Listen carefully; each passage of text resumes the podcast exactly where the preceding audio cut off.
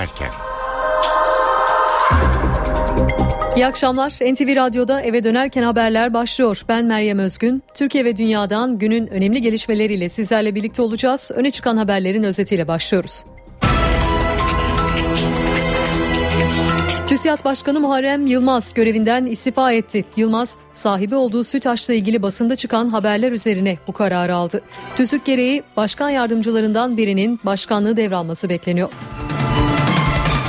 Meclis Başkanı Cemil Çiçek, CHP'nin 17 Aralık iddiaları nedeniyle Başbakan Erdoğan hakkında soruşturma komisyonu kurulması için verdiği önergeyi iade etti. Karara tepki gösteren CHP, Başbakan hakkında bu hafta genç soru önergesi verecek. Muhalefetin köşk seçimi için turları devam ediyor. CHP ve MHP liderleri bugün sendikaları ve iş dünyasını ziyaret etti.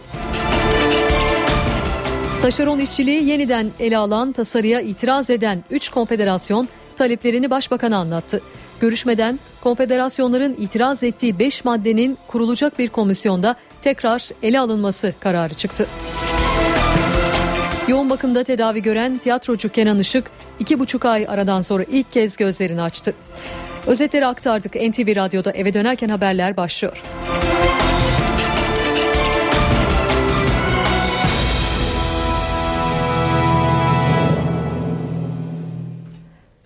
Günün manşeti akşam saatlerinde atıldı. TÜSİAD Başkanı Muharrem Yılmaz görevinden istifa etti.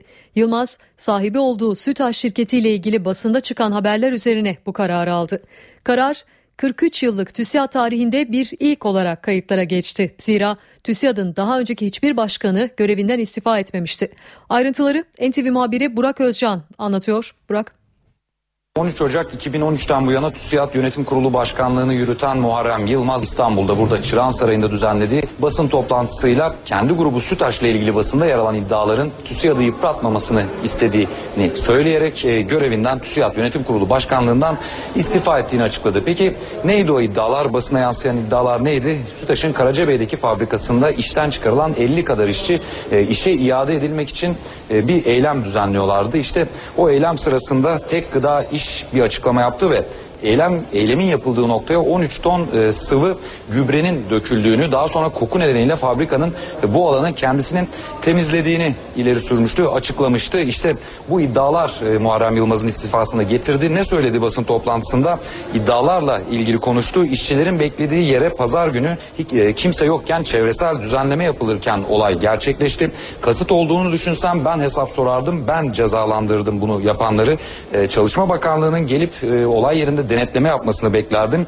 Benim üzerinden TÜSİAD'ın yıpratılmasını e, kabul edemezdim ve bu kararı aldım şeklinde bir açıklama yaptı. Daha sonra e, basın mensuplarının da sorularını yanıtladı. Hiçbir TÜSİAD başkanı siyasi baskı nedeniyle istifa etmez. Neden? istifa etmemin nedeni TÜSİAD'ın istismarını engellemek dedi Muharrem Yılmaz. Ayrıca bundan sonrası için de konuştu. TÜSİAD'ın kendi hukuku içerisinde bundan sonrasını e, çözeceğini söyledi. E, 15. TÜSİAD başkanıydı. İstifa eden de ilk başkan oldu. Başka neler söyledi burada yaptığı açıklamada Muharrem Yılmaz? Onu da sıradaki haberimizde dinleyelim. Sütaş'la ilgili bugün gazetelerde yapılan bazı haberlerde TÜSİAD adının ön plana çıkartıldığını gördüm. Ee, ben TÜSİAD'ın yönetim kurulu başkanı olarak aldığım emanete TÜSİAD itibarının itibarı emanetine en fazla titizlik göstermesi gereken insanım. TÜSİAD'ın istismar edilmesine izin veremezdim. TÜSİAD'ın e, adının kullanılarak TÜSİAD itibarıyla ilgili bir kampanya oluşturulabileceği e, riskiyle karşı karşıya olduğumuzu fark ettim ve e, TÜSİAD'ı bu işin dışına çıkartarak kendi kurumumla ilgili sorumluluklarımın başına geriye döndüm. Buraya gelirken TÜSİAD'a da istifa dilekçemi gönderdim. Daha önce kimseyle konuşmadım, görüşmedim. Kimseyi bu yükün altında ezmeye gerek yok. Bu benim tamamen kişisel olarak karar vermek zorunda olduğum bir husustu. NTV Radyo Doğu ile Güneydoğu'da tansiyon bir süredir yüksek. Diyarbakır ve Bingöl'de 10 gündür yol kapatma eylemi var. Bingöl'ün Karlıova ilçesindeki eyleme özel birlikler müdahale etti. Cizre'deki müdahale sırasında ise bir çocuğun başına gaz kapsülü isabet etti. Doğuda yol kapatma eylemleriyle başlayan gerginlik sürüyor. Bölgedeki kalekol ve baraj inşaatlarını protesto için iki gün önce Karlova Varto karayolunu kapatan gruba müdahale edildi. Jandarma ve özel harekat timleri grubu dağıtmak için gaz bombası ve tazikli su kullandı. Eylemciler güvenlik güçlerine taş ve sopalarla karşılık verdi.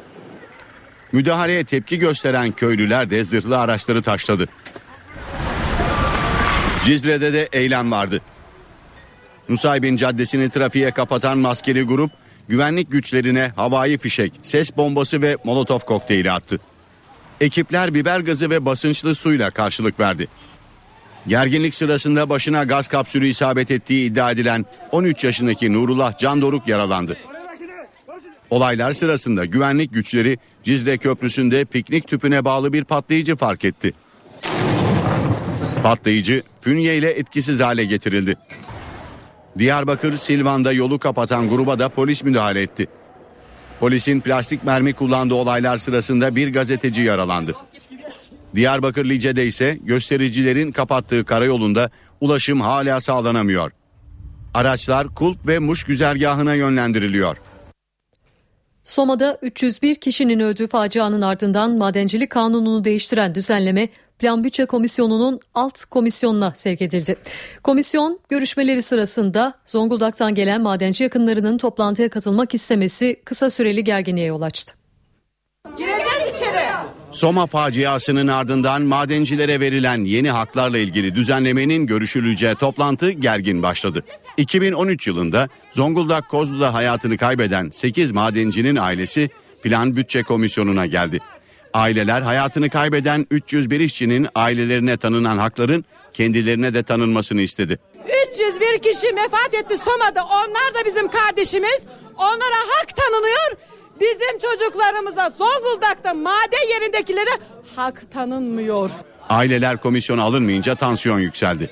Hayır biz de gideceğiz. Hayır. Salona lütfen. Biz de gideceğiz. Ben kayınpederimi eşimi kaybettim. Siz nereden geliyorsunuz? Zonguldak'tan. Zonguldak'tan. Ben de zannettim ki Soma'dan geliyorsunuz da. Zonguldak'tan. Zonguldak'tan. Zonguldak'ta can değil mi? Hepsi can. Hep onları Niye da. bizi o zaman öncelik tanımıyor? Bizi niye tanımıyor? Tanıyoruz.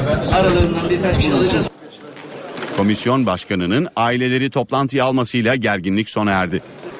Komisyonda Ulaştırma, Denizcilik ve Haberleşme Bakanı Lütfi Elvan, Soma faciasının ardından atılan adımları anlattı. 301 madencimizin 234'ünün 632 hak sahibine ölüm geliri ve ölüm aylığı bağlama işlemleri tamamlanmıştır.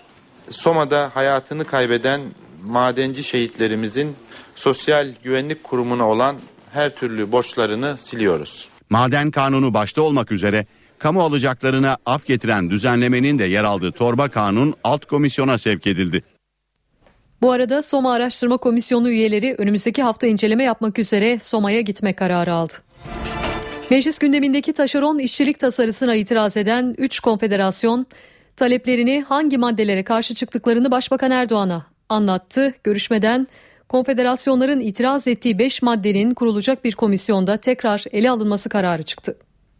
Uzun seneler sonra ilk defa 3 konfederasyon bu konuda aynı noktada beraber hareket ediyoruz ki hareket edeceğiz beraber. Üç büyük işçi konfederasyonu Türk İş, Hak İş ve Disk taşeron işçilikle ilgili düzenlemeye itirazlarını Başbakan Recep Tayyip Erdoğan'a aktardı. Türk İş Başkanı Ergün Atalay tasarının tekrar gözden geçirileceğini anlattı. Maliyeden zannediyorum Grup Başkan Vekili Sayın Canikli, Salih Kapusuz'un da olduğu Çalışma Bakanlığı'ndaki bir ekiple beraber bizim 3 konfederasyon içinde bulunduğu bir heyetle bu akşam zannediyorum tespit edecekleri bir yerde bununla ilgili bir komisyon kuruldu. 3 konfederasyon 59 maddelik tasarının 5 maddesine itiraz ediyor. Sendikalar taşeron işçilerin toplu sözleşme haklarından yararlanması için getirilen düzenlemelerin eksik ve yetersiz olduğunu savunuyor. Ayrıca tasarının çalışanlara toplu sözleşme hakkı sağlamayan bir düzenleme olduğunu belirterek bunun düzeltilmesini istiyor. Üç konfederasyonun ortak itiraz noktalarından bir diğeri ise yardımcı işlerin belirlenmesi konusunda Bakanlar Kurulu'na yetki verilmesi.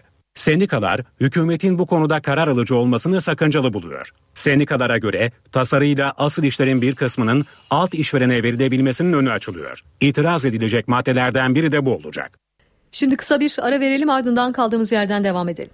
Eve dönerken devam ediyor. Eve dönerken haberlere kaldığımız yerden devam ediyoruz. Cumhuriyet Halk Partisi'nin Başbakan Erdoğan hakkında soruşturma komisyonu açılmasını talep eden önergesi reddedildi. Gerekçe önergede Başbakan Erdoğan'la oğlu Bilal Erdoğan arasında geçtiği iddia edilen telefon konuşma tapelerine de yer verilmesi. Duruma tepki gösteren ana muhalefet partisi Başbakan hakkında gen soru önergesi vereceğini açıkladı. Meclis Başkanı Cemil Çiçek, CHP'nin Başbakan Recep Tayyip Erdoğan hakkında soruşturma komisyonu kurulması için verdiği önergeyi iade etti. Gerekçe, önergeye konulan Başbakan Erdoğan'la oğlu Bilal Erdoğan arasında geçtiği iddia edilen telefon konuşma dökümleri. Meclis Başkanlığından yapılan açıklamada, anayasanın 22. maddesine göre haberleşmenin gizliliği esastır. Ayrıca konuyla ilgili olarak İstanbul Cumhuriyet Başsavcılığınca yürütülen bir soruşturma olduğu bilinmektedir. Bu itibarla ilgili önergenizde yer verilen söz konusu içerikle önergenin areniyetine ilişkin işlemlerin anayasa ve TCK hükümlerini ihlal edebileceği değerlendirilmektedir denildi. Sayın Cemil Çiçek'in böyle bir yetkisinin olduğuna inanmıyorum. Yasalar böyle bir yetkinin olmadığını e, açıkça belirtiyor. E, Sayın Çiçek'in e, bu davranışını e, doğru bulmadığımızı ifade etmek isterim. CHP'den bu gelişme üzerine karşı adım gecikmedi. Grup Başkan Vekili Engin Altay, Başbakan hakkında bu hafta gen soru önergesi vereceklerini açıkladı. Biz gerekirse Başbakan için bu kapsamda bir gen soru önergesi vereceğiz. Bunun iş düzeye göre 10 gün içinde görüşülmesi gerekiyor. Muhalefet liderlerinin Cumhurbaşkanlığı seçimi öncesi başlattığı görüşme trafiği sürüyor. CHP lideri Kemal Kılıçdaroğlu bugün Hakiş, Mazlumder ve TOP başkanlarıyla bir araya geldi. Onlara nasıl bir cumhurbaşkanı istiyorsunuz sorusunu yönelten CHP'nin köşk adayını ay sonunda açıklaması bekleniyor. CHP Genel Başkanı Kemal Kılıçdaroğlu, Hakiş, Mazlumder ve Türkiye Odalar ve Borsalar Birliği'ni ziyaret etti. Nasıl bir cumhurbaşkanı istediklerini sordu uzlaşma sağlayacak bir aday çıkarmayı hedeflediklerini söyledi. Biz bir cepheleşme anlayışı içinde değiliz. Büyük bir toplumsal uzlaşmayı sağlamak istiyoruz. Cepheleşme anlayışı içinde Cumhurbaşkanlarının belirlenmesi doğru bir tavır değildir. CHP lideri Kemal Kılıçdaroğlu 3 hafta önce katıldığı Top Genel Kurulu'nda Başbakan Erdoğan'ın kendisinden önce konuşup salondan ayrılmasına tepki göstermişti. Kılıçdaroğlu'na yaşanan gerginliğin Top Başkanı Rıfat İsa'cıklıoğlu ile yaptığı görüşmede gündeme gelip gelmediği soruldu. O tartışmalar geride kaldı. E, zaman zaman düşüncelerimizi aktarırız. Eleştirilerimizi yapmak e, en doğal hakkımız olarak kabul ediyoruz. E, Sayın Başkan da büyük bir olgunluk gösterdi zaten. Eleştirileri e, büyük bir dikkatle dinledim. İyi ilişkilerimizi bundan sonra da sürdüreceğiz. TOB Başkanı Refat Sağcıklıoğlu'na ise Cumhurbaşkanı adayı olmayı düşünüp düşünmediği soruldu. Eğer hizmet etmek istiyorsanız burası da bir makam. Kılıçdaroğlu Perşembe günü Türk Konfet ve Türk Tabipler Birliği ile bir araya gelecek. Ana Muhalefet Partisi'nin 10 Haziran'dan sonra siyasi partilerle görüşmeye başlaması, ay sonunda da adayını açıklaması bekleniyor. MHP Genel Başkanı Devlet Bahçeli de çatı aday turunu sürdürüyor. Bahçeli gün içinde Esnaf ve Sanatkarlar Konfederasyonu'yla Türk İş'i ziyaret etti ve partisinin Cumhurbaşkanı tanı tanımını yaptı.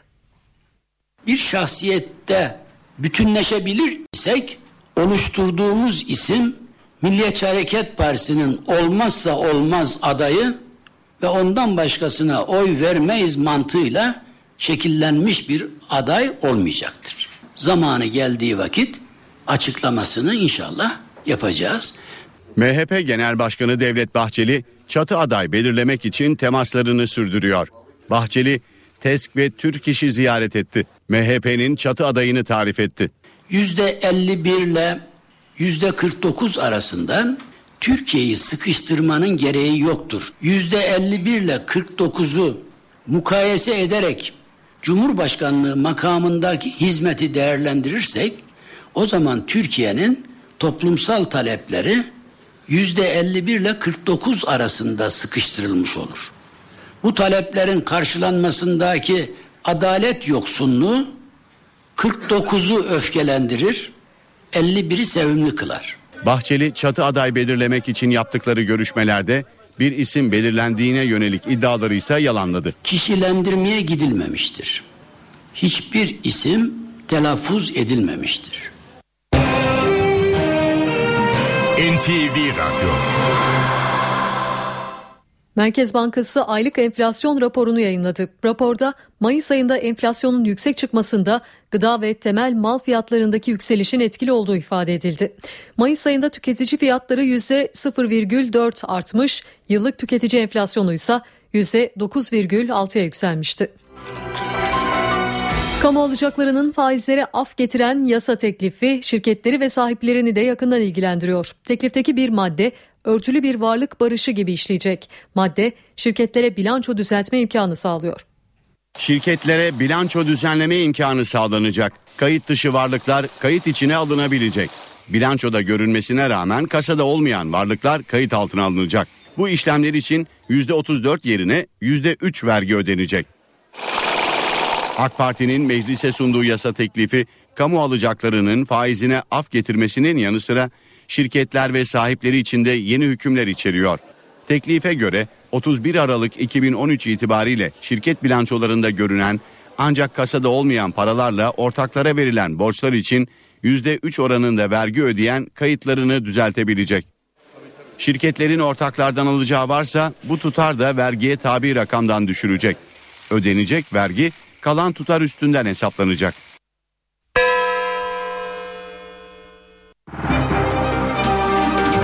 Para ve sermaye piyasalarındaki işlemlere bakalım. Borsa İstanbul şu sıralarda 78.549 seviyesinde. Serbest piyasada dolar 2 lira 11 kuruş, euro 2.88'den işlem görüyor. Kapalı çarşıda ise Cumhuriyet altını 567, çeyrek altın 139 liradan satılıyor.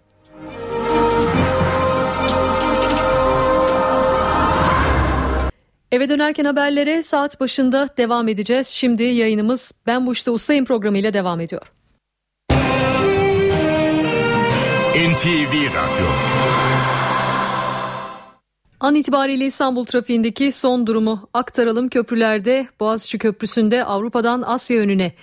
Hürriyet Tepesi, Mecidiyeköy, Zincirlikuyu Boğaziçi Köprüsü ve Altunizade'ye kadar sürüyor yoğunluk. Aksi yönde de Acıbadem Köprüsü ile Altunizade arasında köprü girişine kadar devam ediyor trafik yoğunluğu. Devam edelim Fatih Sultan Mehmet Köprüsü'ne bakalım. Köprü yoğunluğu maalesef Tem Akşemsettin Viyadüğü ile Kemerburgaz ayrımından başlıyor ve Hassal Seyrantepe arasında sürüyor. Yine devamında Maslak Kavşağı Etiler katılımıyla köprü girişine kadar son derece yoğun bir trafik bekliyor sürücüleri. Kavacık'ta da aksi yönde bir miktar yoğunluk var. Öncesinde yine Kavacık Elmalı arası trafik yoğun. Eve dönerken devam ediyor. Mutlu akşamlar saat 18 NTV Radyo'da eve dönerken haberler devam ediyor. Ben Meryem Özgün. Günün öne çıkan haberlerinden satır başlarını hatırlatalım. TÜSİAD Başkanı Muharrem Yılmaz görevinden istifa etti. Yılmaz, sahibi olduğu Sütaş şirketiyle ilgili basında çıkan haberler yüzünden bu kararı aldı. Doğudaki kalekol ve baraj inşaatlarını protesto eden grupların yol kapatma eylemleri sürüyor. Diyarbakır'da yola, yola açılan hendeklerin kapatılması sırasında güvenlik güçlerine saldırı oldu. Olaylarda 5 asker yaralandı. Bingöl, Karlıova ve Şırnak Cizre'de de yol kapatma eylemi yapan gruplara müdahale edildi. Meclis gündemindeki taşeron işçilik tasarısına itiraz eden 3 konfederasyon taleplerini hangi maddelere karşı çıktıklarını Başbakan Erdoğan'a anlattı. Görüşmeden konfederasyonların itiraz ettiği 5 maddenin kurulacak bir komisyonda tekrar ele alınması kararı çıktı. Öne çıkan haberlerden satır başları böyle. Şimdi ayrıntılara geçelim.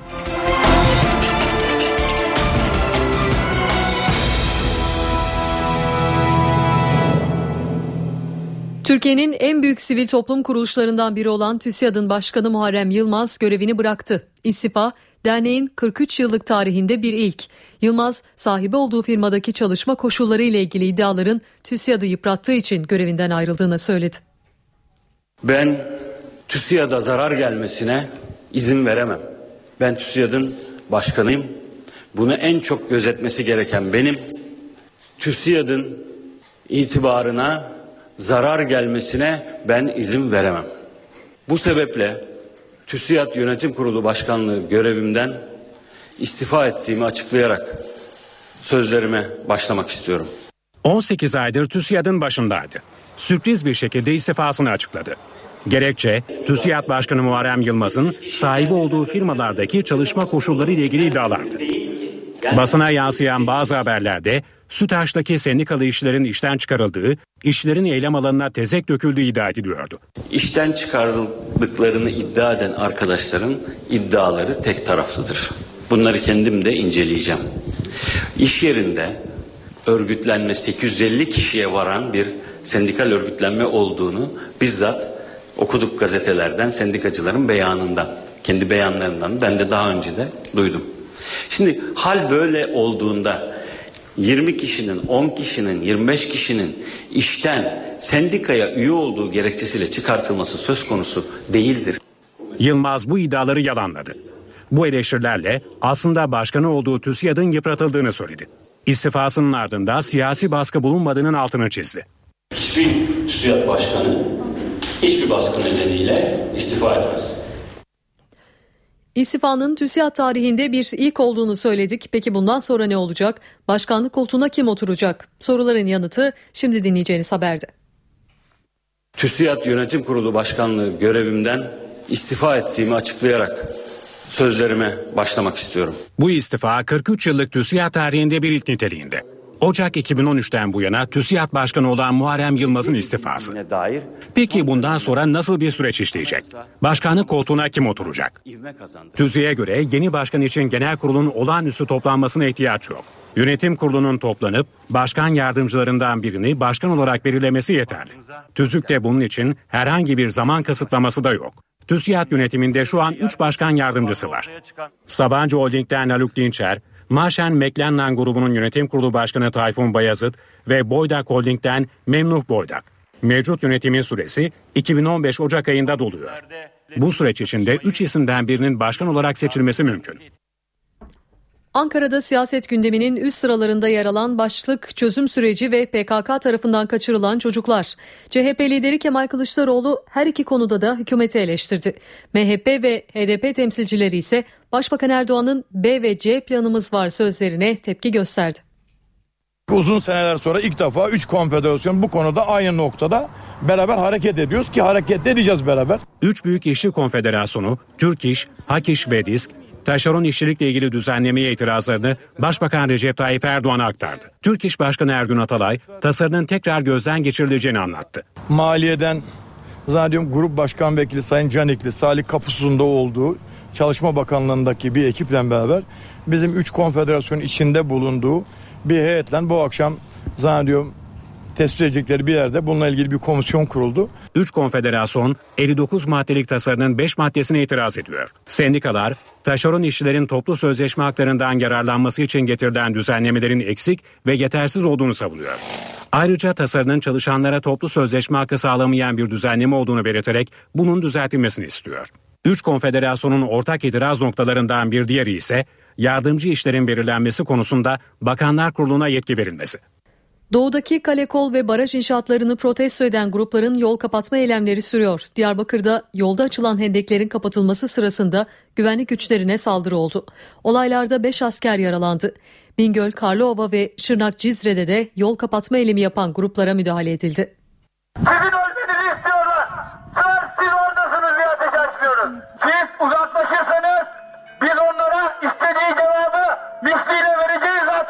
Askerin bu anonsu yol kapatma eylemi düzenleyenler için. Diyarbakır'da gerginlik sürüyor. Lice'de göstericilerin Diyarbakır Bingöl Karayolu'nda kazıdığı endeklerin kapatılması sonrasında jandarma ekiplerinin bulunduğu bölgeye ateş açıldı. Olaylar sırasında el yapımı patlayıcı ve havai fişek atılması sonucu 5 asker yaralandı. Göstericilerin terk ettiği çadırlarda yangın çıktı. Bölgedeki kalekol inşaatlarına protesto için iki gün önce Karlıova Varto karayolunu kapatan gruba müdahale edildi. Jandarma ve özel harekat timleri grubu dağıtmak için gaz bombası ve tazikli su kullandı. Eylemciler güvenlik güçlerine taş ve sopalarla karşılık verdi. Cizre'de de eylem vardı.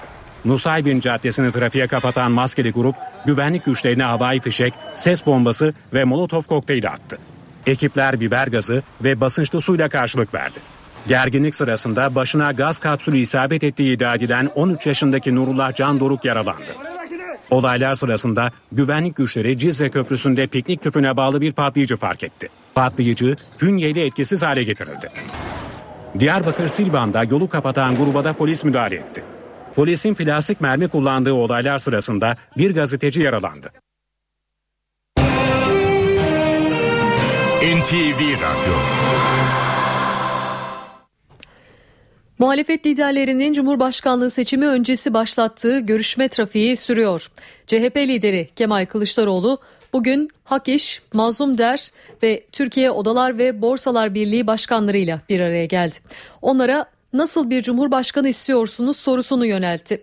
Milliyetçi Hareket Partisi Genel Başkanı Devlet Bahçeli ise TESKİ ve Türk İş'i ziyaret etti. Görüşme trafiğine ilişkin notları NTV muhabiri Miray Akdağoluç anlatacak. Miray. Bugün ana muhalefette de Milliyetçi Hareket Partisi'nde de köşk turuyla ilgili hızlı bir trafik vardı. Hem Cumhuriyet Halk Partisi Genel Başkanı Kemal Kılıçdaroğlu hem de Milliyetçi Hareket Partisi Genel Başkanı Devlet Bahçeli sivil toplum örgütlerini ziyaret ettiler. Cumhuriyet Halk Partisi Genel Başkanı Kemal Kılıçdaroğlu ilk durağını Hak İş olarak seçti ve ilk kez genel başkan olduktan sonra Hak İş Sendikası ile bir araya geldi. CHP lideri bu ziyaretin ardından Mazlum Der ve Türkiye Odalar ve Borsalar Birliği'nin başkanlarıyla da bir araya geldi ve görüş alışverişinde bulundu. Cumhuriyet Halk Partisi lideri köşk seçimiyle ilgili bir uyarıda bulundu ve cepheleşme anlayışına karşı olduklarını ifade etti. Büyük bir toplumsal uzlaşmayı sağlamak istiyoruz dedi. Cepheleşme anlayışı içinde Cumhurbaşkanını seçmek doğru değildir e, diyerek toplumda bir kamplaşma olduğunun da e, altını çizdi CHP Genel Başkanı. Ve e, Kılıçdaroğlu'nun aslında Türkiye Odalar ve Borsalar Birliği'ne yaptığı ziyaret de dikkat çekicidir. Çünkü son e, TOP Genel Kurulu'nda bir gerginlik yaşanmıştı. Hem Başbakanla CHP lideri arasında hem de TOB'la CHP Genel Başkanı arasında. O gerginliğin gündeme gelip gelmediği de soruldu CHP Genel Başkanı'na. Kemal Kılıçdaroğlu o tartışmalar geride kaldı. Zaman zaman birbirimize eleştirilerimizi aktarabiliriz ama e, olgunluk içerisinde bunları karşılıyoruz dedi ve bundan sonraki ilişkilerinin e, iyi bir şekilde sürdüreceklerini de ifade etti. E, aslında bugünkü görüşmeler sırasında Rıfat Israrcıklıoğlu'na da Cumhurbaşkanı adayı olmayı düşünüp düşünmedi ya da böyle bir teklif gelirse e, nasıl bir yanıt vereceği soruldu. E, çünkü Rıfat Hisarcıklıoğlu'nun ismi zaman zaman geçiyor Cumhurbaşkanı adayı olarak bazı yerlerde telaffuz edildiği oluyor. E, Rıfat Hisarcıklıoğlu ise bu soruya e, Türkiye'nin zenginleşmesine hizmet eden bir makamdayız. Burası da e, e, böyle bir makam bundan da memnunuz diyerek aslında pek de olumlu bir mesaj vermedi. E, CHP Genel Başkanı'nın yarın da İstanbul'da sivil toplum kuruluşlarıyla bir araya gelmesi bekleniyor. E, ve Kemal Kılıçdaroğlu 10 Haziran tarihinden sonra siyasi partilerle görüşmeye başlayacak. Onlar arasında MHP'nin olması büyük bir ihtimal gibi gözüküyor. E, diğer siyasi partiler meclisi olanlar olmayanlar e, çok sayıda siyasi partiyi ziyaret edecek CHP lideri ve ay sonunda da e, Cumhuriyet Halk Partisi adayını açıklayacak gibi görünüyor. Milliyetçi Hareket Partisi cephesine de bakacak olursak e, MHP lideri bugün önce TESKİ ziyaret etti. Ardından Türk İş'e geçti ve partisinin çatı adayını tarif etti. Bugün yazdığı açıklamada bir şahsiyette bütünleşebilirsek oluşturduğumuz isim MHP'nin olmazsa olmaz adayı ondan başkasına oy vermeyiz anlayışıyla belirlenmiş bir aday olmayacak dedi ve zamanı gelince gerekli açıklamayı zaten yapacağız dedi. Gazetecilerin ısrarlı bir şekilde o açıklamanın ne zaman yapılacağı sorusu üzerine ama edindiğimiz bilgi MHP'nin de yine CHP gibi ay sonunda bu açıklamayı yapması yönünde. MHP Genel Başkanı e, çatı aday için e, ilk öneren parti MHP. E, bu yüzden tur, turlarına devam ediyor ve Bahçeli kişilerin isimlerinin hiçbir zaman telaffuz edilmediğini de belirtti bu görüşmeler sırasında ve e, genel olarak Milliyetçi Hareket Partisi Genel Başkanı da bu turları tamamlamak üzere gibi görünüyor. Milliyetçi Hareket Partisi ile CHP çatı bir adayda uzlaşabilecekler mi? Aslında merak konusu olan bu. E, edindiğimiz bilgilere göre her iki aday, e, her iki partinin de e, adayının kim olacağı yavaş yavaş netleşmeye başladı gibi görünüyor. E, isimleri yine onlar kendileri telaffuz etmiyorlar ama parti kulislerinde dolaşan her iki partide de e, yoğunluğun daha fazla olduğu adaylar var. Onlardan birini tercih edecekler kuşkusuz ve e, görünen o ki en azından ilk tur için e, her iki partide farklı bir aday çıkarma yoluna gidebilir. Eve dönerken haberlere şimdi kısa bir ara veriyoruz. Eve dönerken devam ediyor. Soma'da 301 kişinin öldüğü facianın ardından madencilik kanununu değiştiren düzenleme Plan Bütçe Komisyonu'ndan alt komisyona sevk edildi. Komisyon görüşmeleri sırasında Zonguldak'tan gelen madenci yakınlarının toplantıya katılmak istemesi kısa süreli gerginliğe yol açtı. Gireceğiz içeri. Soma faciasının ardından madencilere verilen yeni haklarla ilgili düzenlemenin görüşüleceği toplantı gergin başladı. 2013 yılında Zonguldak Kozlu'da hayatını kaybeden 8 madencinin ailesi Plan Bütçe Komisyonu'na geldi. Aileler hayatını kaybeden 301 işçinin ailelerine tanınan hakların kendilerine de tanınmasını istedi. 301 kişi vefat etti Soma'da. Onlar da bizim kardeşimiz. Onlara hak tanınıyor. Bizim çocuklarımıza Zonguldak'ta maden yerindekilere hak tanınmıyor. Aileler komisyona alınmayınca tansiyon yükseldi. Hayır biz de gideceğiz. Hayır. Salona lütfen. Biz de gideceğiz. Ben kayınpederimi eşimi kaybettim. Siz nereden geliyorsunuz? Zonguldak'tan. Ben de zannettim ki Soma'dan geliyorsunuz da. Zonguldak'tan. Zonguldak'tan. Zonguldak'takiler can değil mi? Hepsi can. Hep onları Niye da. bizi o zaman öncelik tanımıyor? Bizi niye tanımıyor? Tanıyoruz. Aralarından birkaç kişi alacağız. Komisyon başkanının aileleri toplantıya almasıyla gerginlik sona erdi.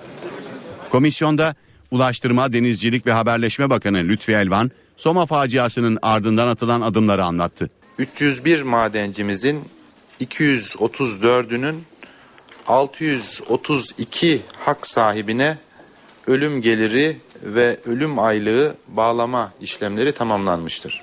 Soma'da hayatını kaybeden madenci şehitlerimizin Sosyal Güvenlik Kurumu'na olan her türlü borçlarını siliyoruz. Maden kanunu başta olmak üzere kamu alacaklarına af getiren düzenlemenin de yer aldığı torba kanun alt komisyona sevk edildi.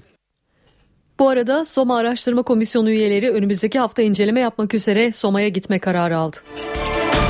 Sırada ekonomi günlüğü var. Kamu alacaklarının faizlerine af getiren yasa teklifi şirketleri ve sahiplerini de yakından ilgilendiriyor.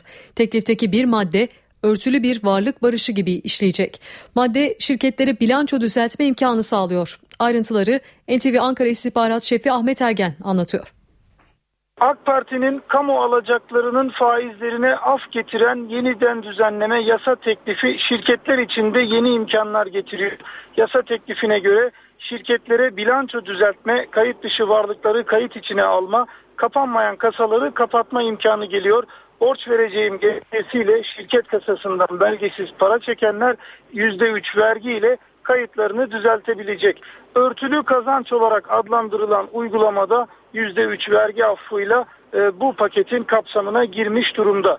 31 Aralık 2013 itibariyle şirket bilançolarında görünen ancak kasada olmayan paralarla ortaklara verilen borçlar için %3 vergi ödeyen kayıtlarını düzeltebilecek AK Parti'nin yasa teklifinin içeriğini bu şekilde de özetlemek mümkün. Şu anda bu işlem için alınan normal vergi oranı ise %34. Halka açık olmayan şirketlerde yaygın bir uygulama, örtülü kazanç olarak adlandırılan uygulama, e, şirketlerin ortaklardan alacağı varsa vergiye tabi rakamdan bu alacak tutarı düşülecek ve ödenecek vergi kalan tutar üstünden hesaplanacak. Hemen bir hatırlatma yapalım. 1 Temmuz 2012'de yürürlüğe giren yeni Türk Ticaret Yasası örtülü kazançları önlemek için ortakların şirketten borç para almasını tamamen yasaklamıştı. Daha önce alınan borçlar içinde 3 yıl iade süresi verilmişti. Bu getirmeyenlere de ağır para cezaları öngörülmüştü. Ancak yasa yürürlüğe girmeden 5 gün önce düzenleme değişmiş ve yasak kalkmıştı.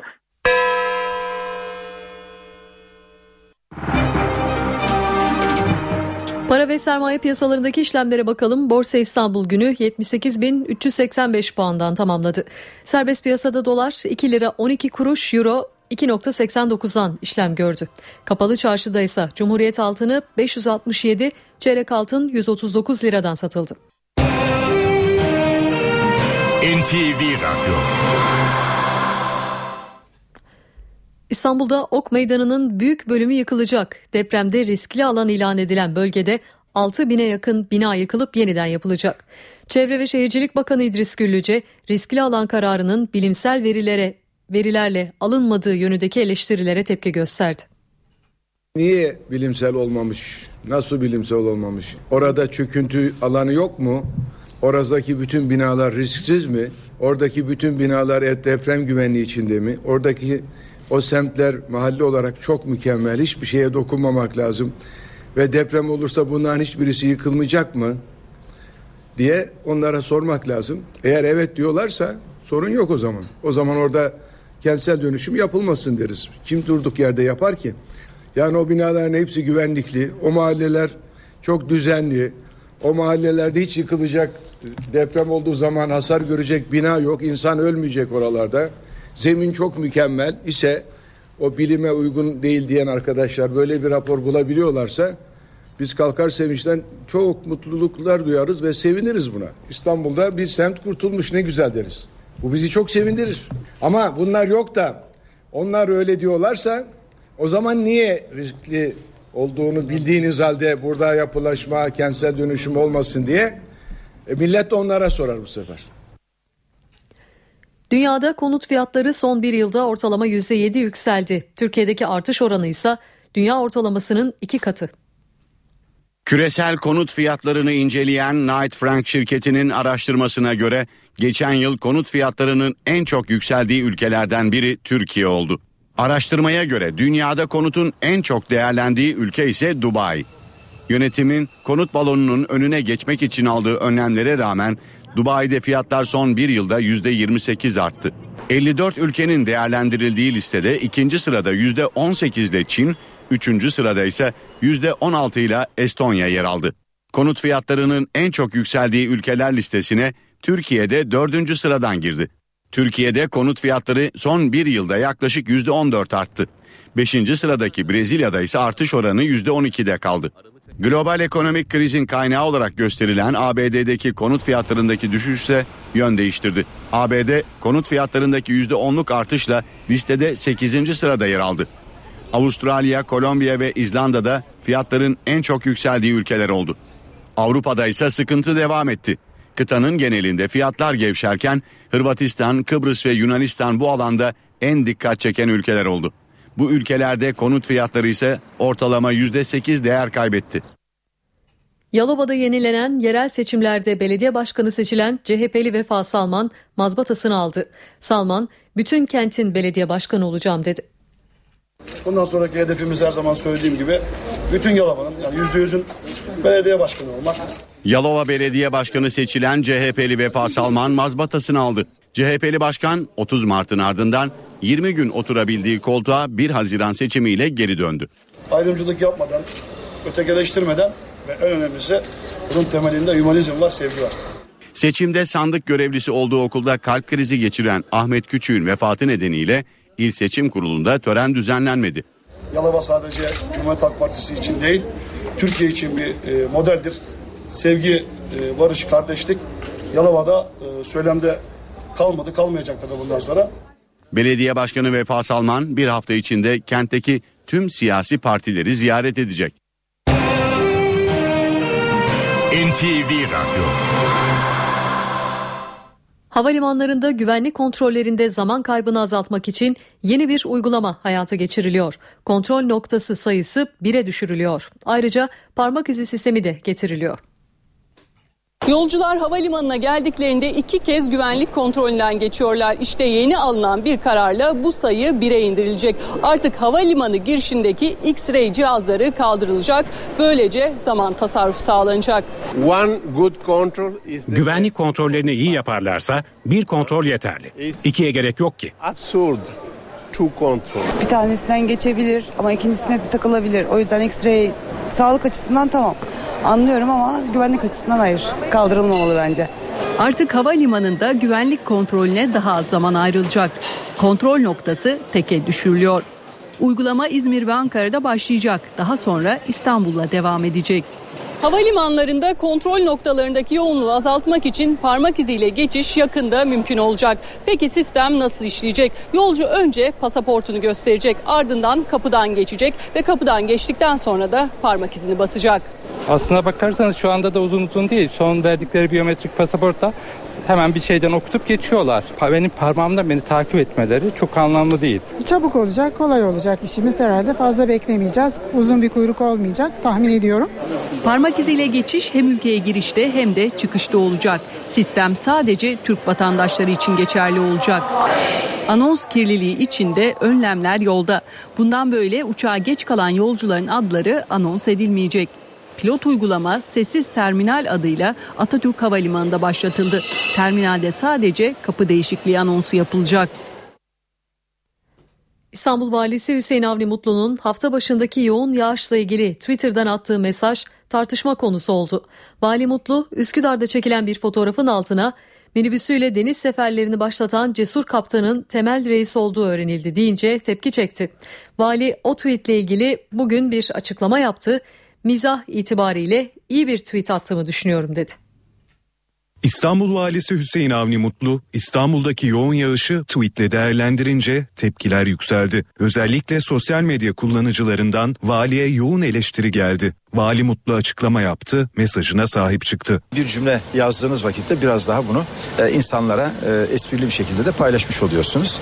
E, mizah itibariyle de iyi bir tweetti diye düşünüyorum ben bilmiyorum. İstanbul Valisi yağışın yarattığı olumsuz koşulları da yorumladı. Allah'ın rahmeti biraz kuvvetliydi. Normalde Haziran, Mayıs yağış ortalamalarının çok üstünde bir yağışı. Çok bolca aldık ama olumsuzluklar açısından bakıldığında İstanbul'da bazı semtlerde bazı evlerimizin bodrum katlarında e, özellikle e, su baskınları da yaşandı. Bunlara müdahaleler oldu. Tabii e, hiç olmasa arzu edilir fakat zamanında işte yapılırken e, yol kot seviyelerinin altında inşaat yaparsanız böyle bol yağışlarda e, maalesef bu tür olumsuzluklar yaşanabiliyor. Tabii bunun e, tedbirlerini e, büyükşehirimiz alıyor.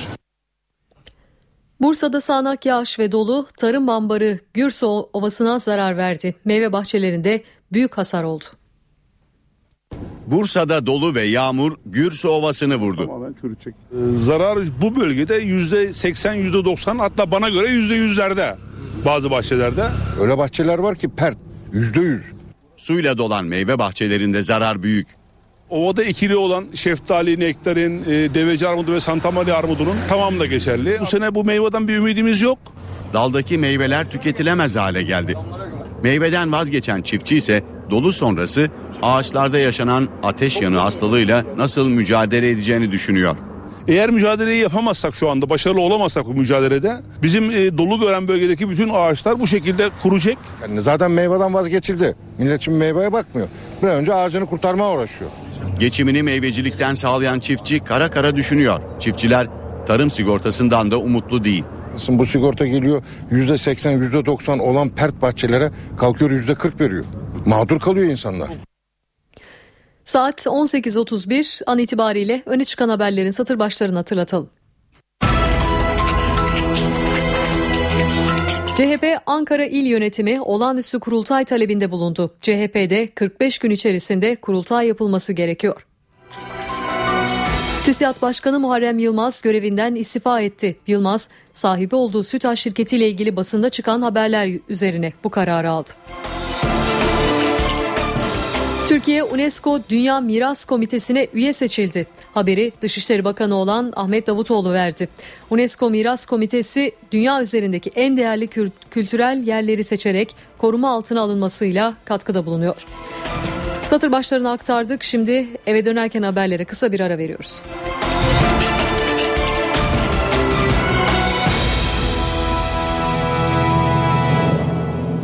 Eve dönerken devam ediyor. Saat 18.38 eve dönerken haberlere kaldığımız yerden devam ediyoruz.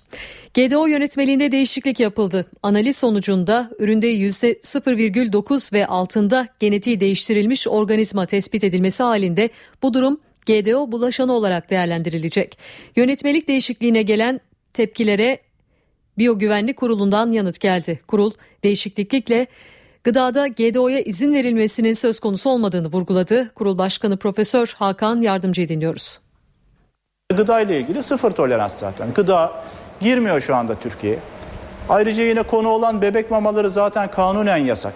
Şimdi dolayısıyla da bu yönetmelik bunları e, girmesiyle ilgili herhangi bir e, açıklık getirmiyor.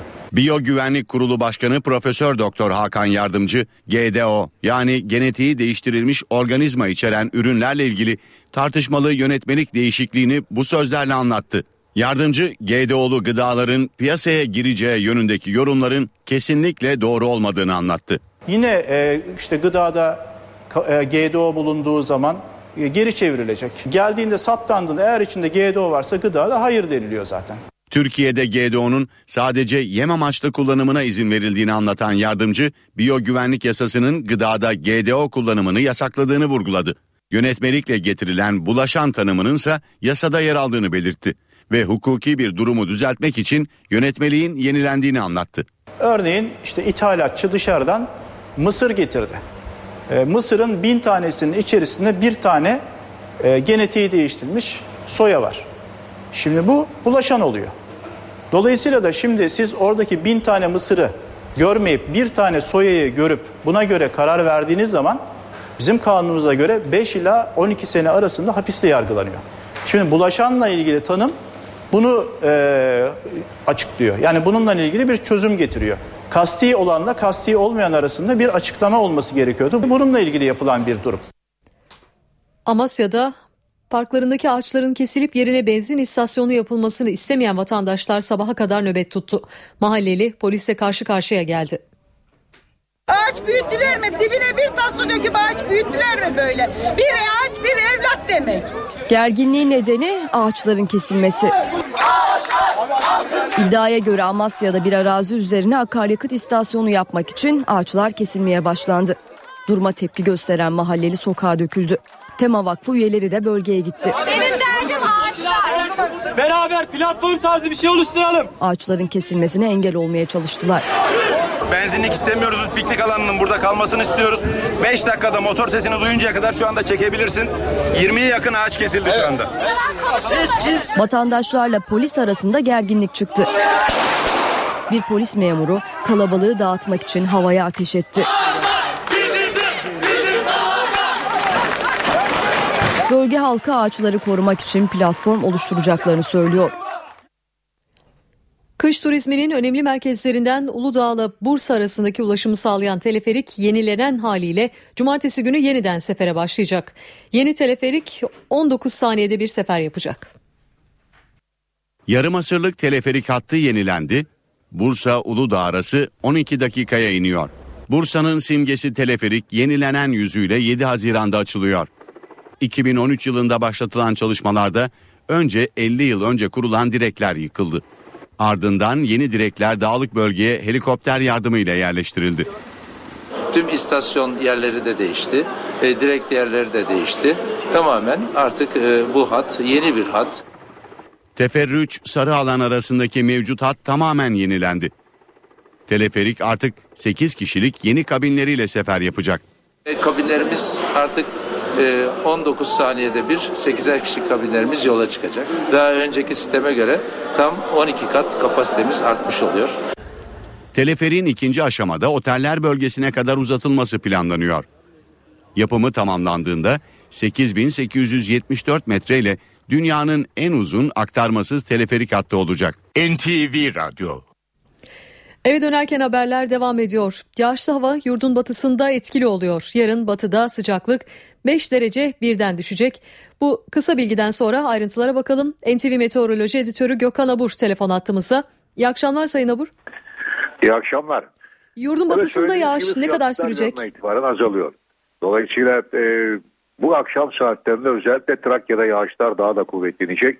Yarın hemen hemen Ege'nin tamamında ve iç kesimlerde daha kuvvetli olmak üzere yağış var. Ülkenin büyük bir çoğunluğunda yarın yağış bekliyoruz. Yarın Trakya'da ağırlıklarla yağışlar etkili olurken özellikle bu yağışlar Ege'de Marmara'nın Tekirdağ, Bandırma arası daha kuvvetli olmak üzere Marmara'nın hemen hemen tümünde İstanbul'da kuvvetli sağanaklar gözülüyor.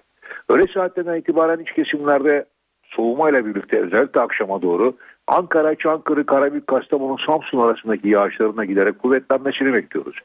Yarın batı bölgelerde kuvvetli esecek karayel yönlü rüzgarla beraber yağışlar etkisini arttırırken aynı zamanda kuvvetlenen yağışla birlikte sıcaklıklar da 5-6 derece birden azalacak. Evet e, Cuma günde sıcaklıklarda birkaç derecelik azalış var. Hafta sonu biraz da olsa yükselmesini bekliyoruz. Ama yağışlar hafta sonu gelmeden önce özellikle cumartesi günü cumartesi günü Trakya'da hafif olarak devam ederken bu sefer Akdeniz'de ve İç Anadolu'da kuvvetli sağanaklar oluşacak. Kıyı Ege'de yağış etkisini kaybedecek. Cumartesi günü Güneydoğu'da yağış beklemiyoruz. Pazar günü ise yine Marmara'da aralıklarla yağış görülürken Akdeniz'de kuvvetli, iç kesimlerde aralıklı ve doğuda ise yine hafif de olsa yağış etkisini sürdürmeye devam edecek. Ve bu yağışların önümüzdeki haftada aralıklarla ve yer yer kuvvetli olarak devam etmesini bekliyoruz.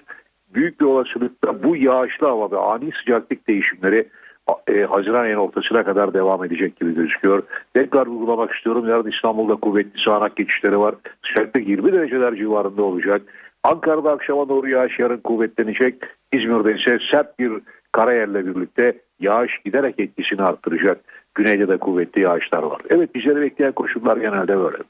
Sayın Abur peki bu yağışların uzun zamandır beklediğimiz bu yağışların barajlara etkisi ne olacak?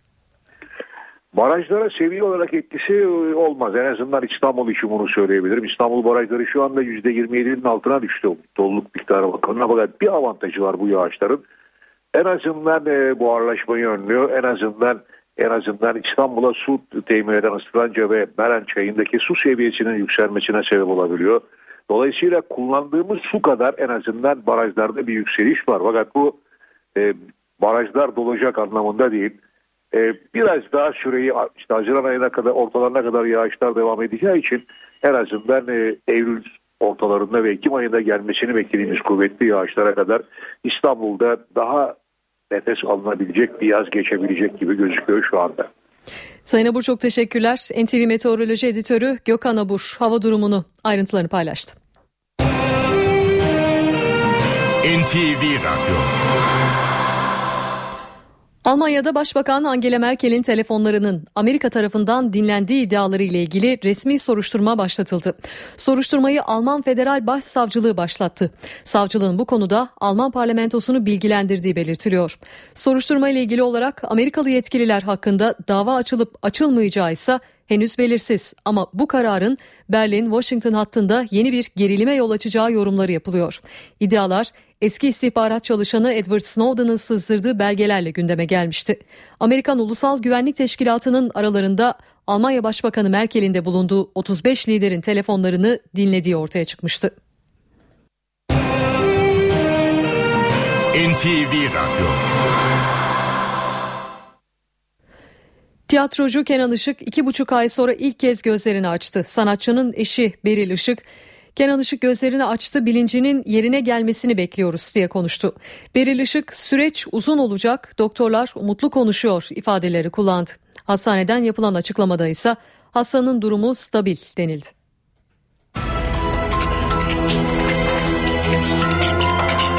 Kayak yaparken düşerek komaya giren eski Formula 1 pilotu Mihail Schumacher'in sağlık durumunda ise gelişme yok.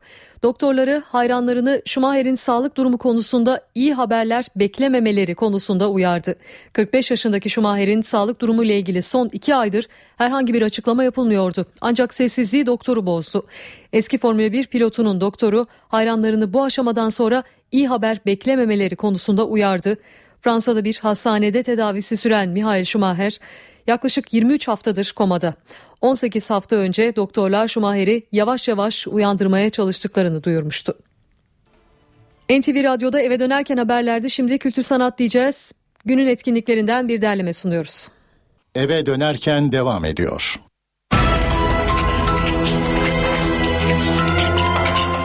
Saat 19 eve dönerken haberlerde günün öne çıkan başlıklarını hatırlatalım. TÜSİAD Başkanı Muharrem Yılmaz görevinden istifa etti. Yılmaz sahibi olduğu SÜTAŞ şirketiyle ilgili basında çıkan haberler üzerine bu kararı aldı.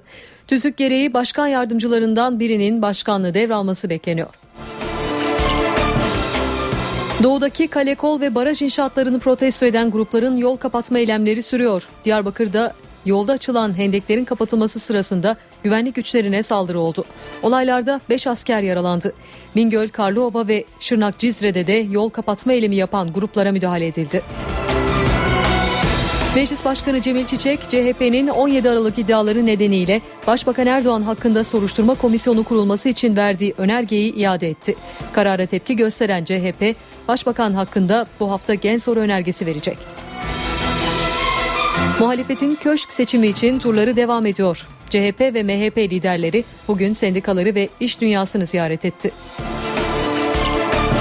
Taşeron işçiliği yeniden ele alan tasarıya itiraz eden 3 konfederasyon taleplerini başbakana anlattı. Görüşmeden konfederasyonların itiraz ettiği 5 maddenin kurulacak bir komisyonda tekrar ele alınması kararı çıktı. Türkiye UNESCO Dünya Miras Komitesi'ne üye seçildi. Haberi Dışişleri Bakanı Ahmet Davutoğlu verdi. UNESCO Miras Komitesi dünya üzerindeki en değerli kültürel yerleri seçerek koruma altına alınmasına katkıda bulunuyor.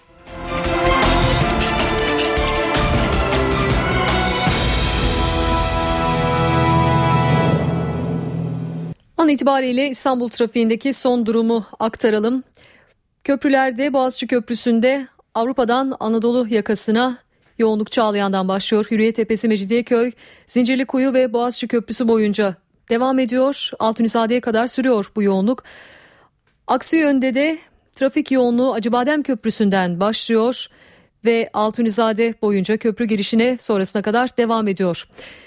Fatih Sultan Mehmet Köprüsü'ne baktığımızda yoğunluk Kemerburgaz ayrımından Hassal Seyrantepe arasına kadar devam ediyor. Yine Massa Kavşağı Etiler katılımıyla köprü girişine kadar devam ediyor. Aksi yönde de Kavacık'ta bir miktar yoğunluk var sonrasında seyir normal. Eve dönerken haberleri noktalıyoruz. NTV Radyo'da kısa bir aranın ardından Cem Dizdar ve Gürcan Bilgiç'le Çift Forvet programı başlayacak. Mutlu akşamlar diliyorum.